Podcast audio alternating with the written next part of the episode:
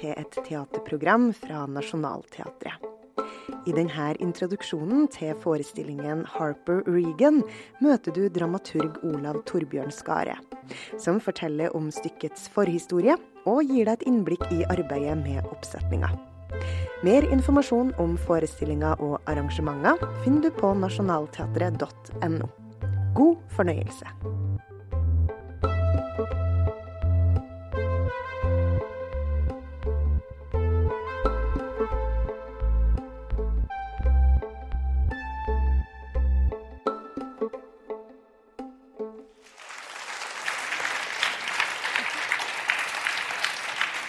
Hei, alle sammen. Veldig hyggelig å se at så mange av dere er her.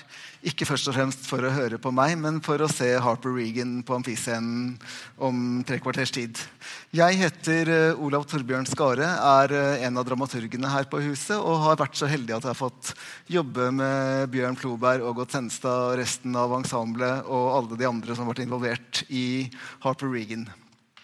Når jeg skulle forberede en introduksjon til Harper, så var det det er alltid vanskelig å vite hva, hvor skal man uh, ta tak. Hva skal man snakke mest om? Skal man snakke om historien? Skal man snakke om enkeltskikkelser? Skal man snakke om forfatterskapet til uh, han eller hun som har skrevet det? Og uh, jeg syns det var tre mulige personer som kunne være interessante å snakke om. Så jeg endte med at jeg sier litt om alle tre. Det er tre ganske opplagte valg. Uh, Simon Stevens, altså dramatikeren som har skrevet stykket. Bjørn Floberg, som har satt det uh, i scene. Og Harper Regan selv, altså hovedpersonen i stykket. Uh, men skal man begynne det, det, som til syvende og sist er det viktigste i en teaterforestilling, så begynner jeg med regissør Bjørn Floberg. Som sikkert mange av dere kjenner fra andre roller enn regiarbeidet. Han har jo vært skuespiller i godt og vel en mannsalder. Både her på teatret, på film, i TV-serier, på Det Norske Teatret og i ulike funksjoner eh, land og strand rundt. Ehm, og debuterte faktisk som regissør så sent som i 2016 med 'Motortone' av nettopp eh, Simon Stevens. Som kanskje noen av dere også så. Den gikk på Malersalen.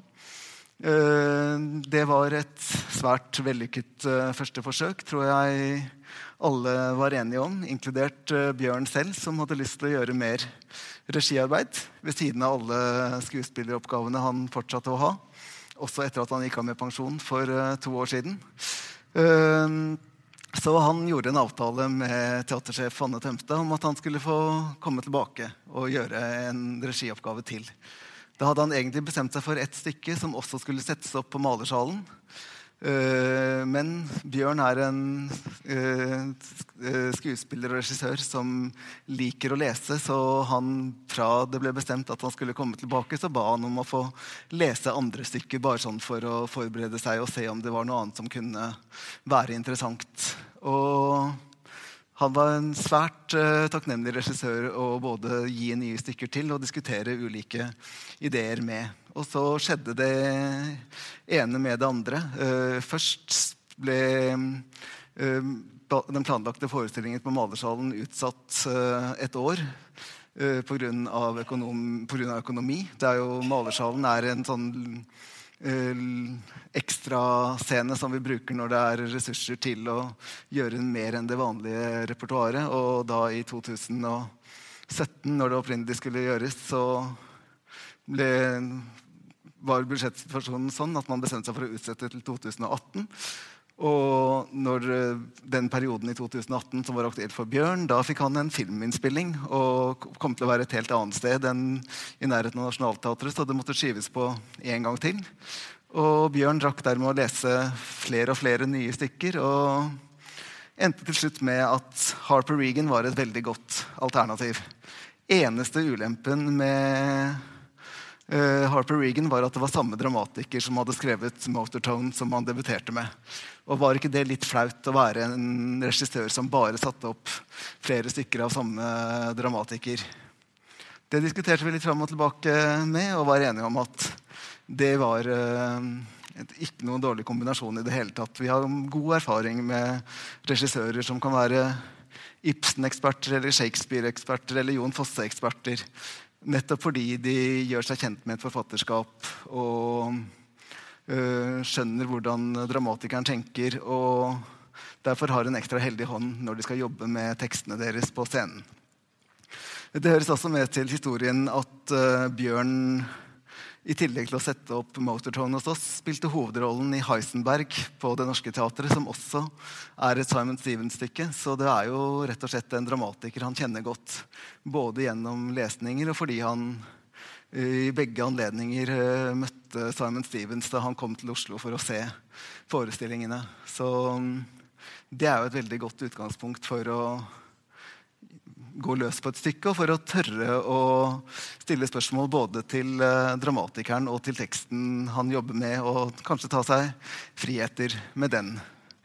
Uh, Simon Stevens er altså en uh, dramatiker som allerede var satt opp to ganger i Norge da vi bestemte oss for å sette opp Harper Regan. Han er en av de mange framstående britiske dramatikerne som Eh, er produktive, som settes opp eh, med stadig nye stykker rundt omkring i England og på mange andre scener eh, verden rundt. Harper Regan har vært spilt i England, Canada, USA, Sverige, flere andre europeiske land. Og har blitt lagt godt merke til og blitt tatt godt imot uh, overalt hvor de har vært spilt.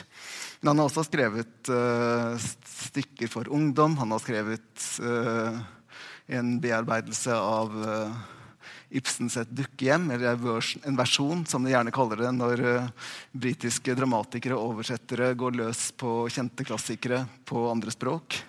Han har en, han har dramatisert uh, romanen 'Det merkelige som hendte med hunden den natta', som også har gått på Det Norske Teatret. Så han skriver i mange ulike sjangre og ulike typer tekster med ulike oppdragsgivere fra gang til gang. Uh, og uh, da, han begynte, uh, da han begynte å skrive Harper Regan, var det et oppdrag han hadde for National Theatre i London. hvor han var ansatt som husdramatiker i en periode på 2007-2008. Da var han godt i gang med å skrive et stykke om en mann som hadde hatt en opprivende opplevelse i livet sitt noen år tidligere, og som uh, skulle legge ut på en reise av ulike årsaker. Uh, han hadde hatt et møte med teatersjefen på National og vist stykket. Og da kom sjefen med et uh, uttalelse som først provoserte Stevens litt. Men så begynte han å tenke litt videre på den. Sjefen sa nemlig det skrives jo, det er et fint stykke, men det skrives jo altfor få stykker om kvinner. Om voksne kvinner. Hadde ikke vært mer interessant å skrive et, kunne ikke du skrive et stykke om en kvinne i 40-årene istedenfor nok et stykke om en godt voksen mann? Og det er jo en, et savn som i hvert fall vi dramaturger og teatersjefer eh, støter på gang til gang. At det er for få gode roller, store roller for uh, våre mange eminente voksne kvinnelige skuespillere. Så Simon følte seg litt satt ut. Samtidig skjønte han jo hva teatersjefen mente, og han gikk hjem. Så kikka han på historien og han hadde skrevet, og tenkte hva om istedenfor å skrive historien om denne mannen, at jeg endrer historien til å handle om kona hans isteden. At det er hun som uh, har vært gjennom mer eller mindre samme opprivende hendelser pga. det som skjedde med ektemannen, men at det er hun som blir nødt til å legge ut på en tilsvarende reise. Og han prøvde ut bytte, bytte uh, Harper med Seth uh, Regan i den ene scenen, så i den neste scenen. Og vips, og sånn at dette er jo en veldig spennende måte og blir en vel så spennende historie å fortelle. Og resultatet ble Harper Regan, som altså hadde urpremiere på National Theatre i 2008. Som vi eh, her på Nationaltheatret leste med en gang det kom ut. Tenkte at dette er et veldig bra stykke, det må vi prøve å få satt opp. Og det har vi prøvd på i elleve år. Og før vi da endelig fikk det til. Så når uh, Nok en grunn til at vi kastet oss over Bjørn med begeistring når han sa at 'jeg har lyst til å gjøre dette stykket her'.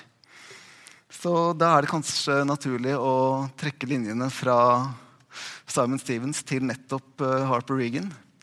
han hadde like før skrevet en, altså en bearbeidelse av et dukkehjem, og mange sammenligner Harper med Nora.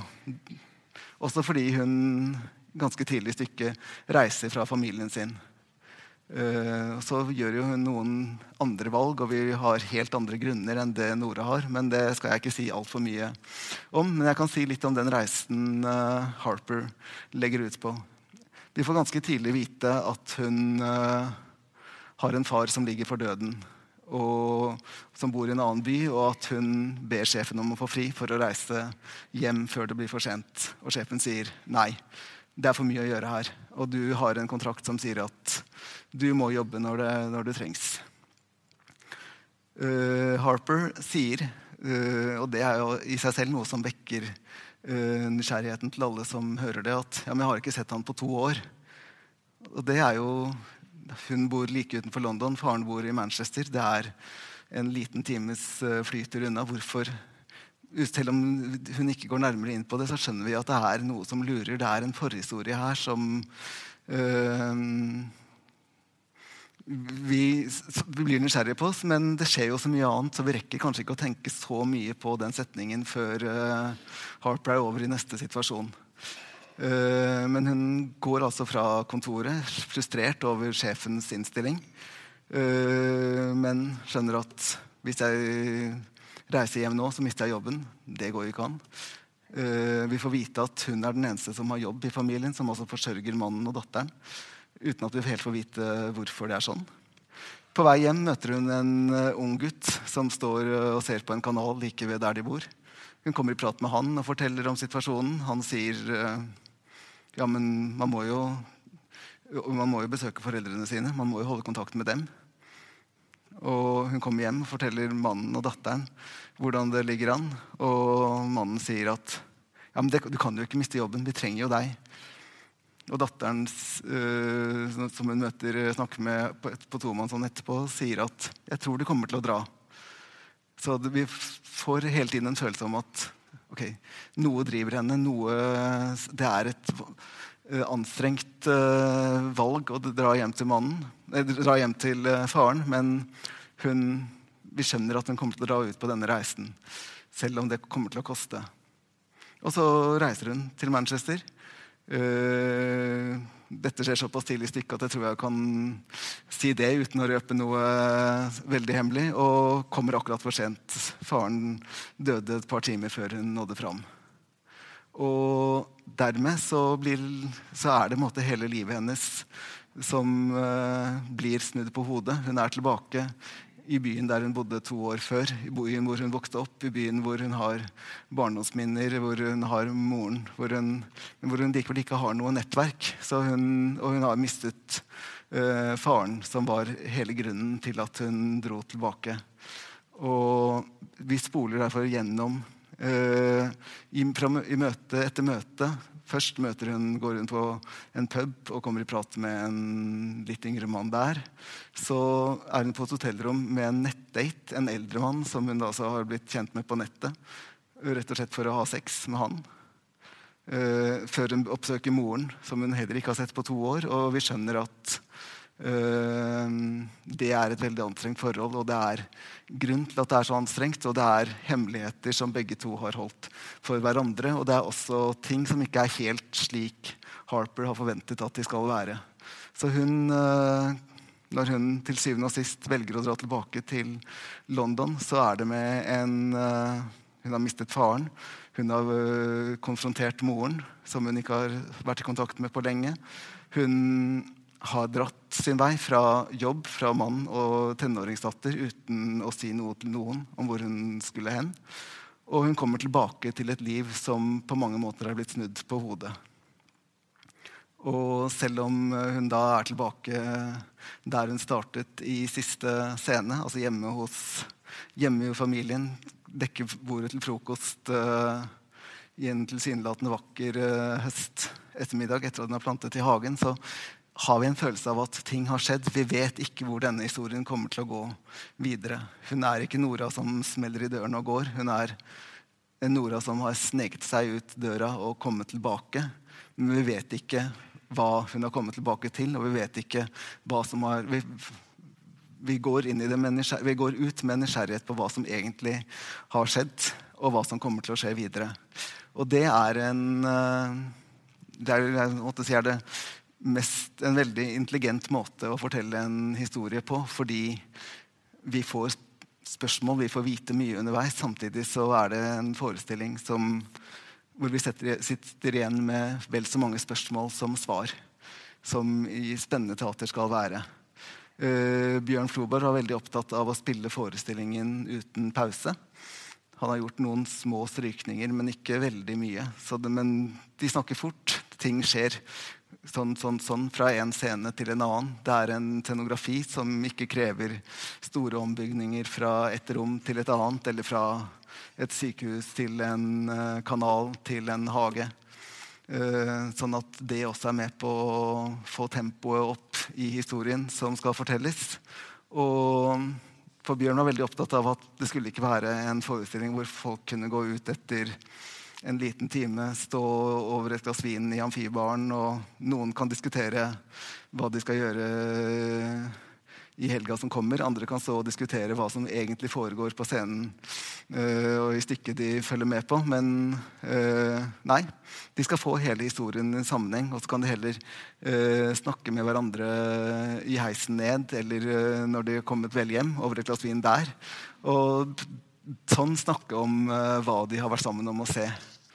Uh, og det tror jeg også er et godt utgangspunkt, selv om det er, uh, det er såpass mye som skjer, såpass mye informasjon som blir gitt, at hadde, de fleste av oss hadde nok helt sikkert tålt å hatt en 20 minutters pause til å fordøye første halvparten av historien før vi så resten. Men jeg All applaus til Bjørn som klarte å kjempe gjennom den det tempoet, selv om det koster litt for skuespillere innimellom å ikke alltid kunne ta de pausene de har lyst til å ta, og øh, ikke få de scenografiske skiftene som man gjerne setter pris på, så gjør det noe med hvordan de også driver blir, nødt til å drive historien videre. Og all ære til uh, skuespillerne. Det er i alt elleve uh, skikkelser uh, med i stykket. Altså da Harper, sjefen, unggutten, datteren, ektemannen, sykepleieren, en mann på en bar, en mann fra, på en nettdate, moren, stefaren og lærlingen som jobber for stefaren. Så det er et stort sammensatt persongalleri som alle, gjennom det de selv forteller, og gjennom det de tvinger Harper til å, eller lurer Harper til å fortelle dem, uh, bidrar til å sette hennes historie i et uh, vidt perspektiv. Uh, som dermed også gir oss informasjon uten at det blir noe sånn ibsensk La oss sette oss sammen og snakke om det som har skjedd siden sist vi traff hverandre-metoden. som Ibsen som er måten vi blir kjent med Noras historie, f.eks. Eller Hedda Gablers historie. Um, men det er elleve roller som i alt blir spilt av åtte skuespillere. Fordi noen av skuespillerne uh, går, dukker opp i ulike roller underveis. Uten at det er ment som noe mer enn praktisk grep. Det er også noe Simon Stevens uh, sier i sitt manus, at disse rollene kan spilles av eller samme skuespiller kan spille den og den personen og sam, eller den og den personen. Og så er det en praktisk uh, utfordring hvordan man løser det med kostyme og sceneskift. Men det syns jeg Bjørn, med god hjelp fra kostymedesigneren og selvfølgelig fra skuespillerne selv, har klart å løse veldig bra. Jeg tror ikke, tror ikke det er mange som uh, går ut og tenker at uh, unggutten som prøver å sjekke opp Harper på en bar, er den samme som er gift med moren hennes tre scener lenger ut. Da legger man vrangviljen til. Det er det selvfølgelig lov å gjøre, men uh, det er i så fall ikke noe bevisst grep verken fra Stevens eller Bjørn Flobergs eller skuespillerens side. Så ja. Jeg tror jeg har klart å gi en liten introduksjon uten å røpe de store omveltningene i dag. takk for at dere kom, og ha en veldig fin kveld eh, videre.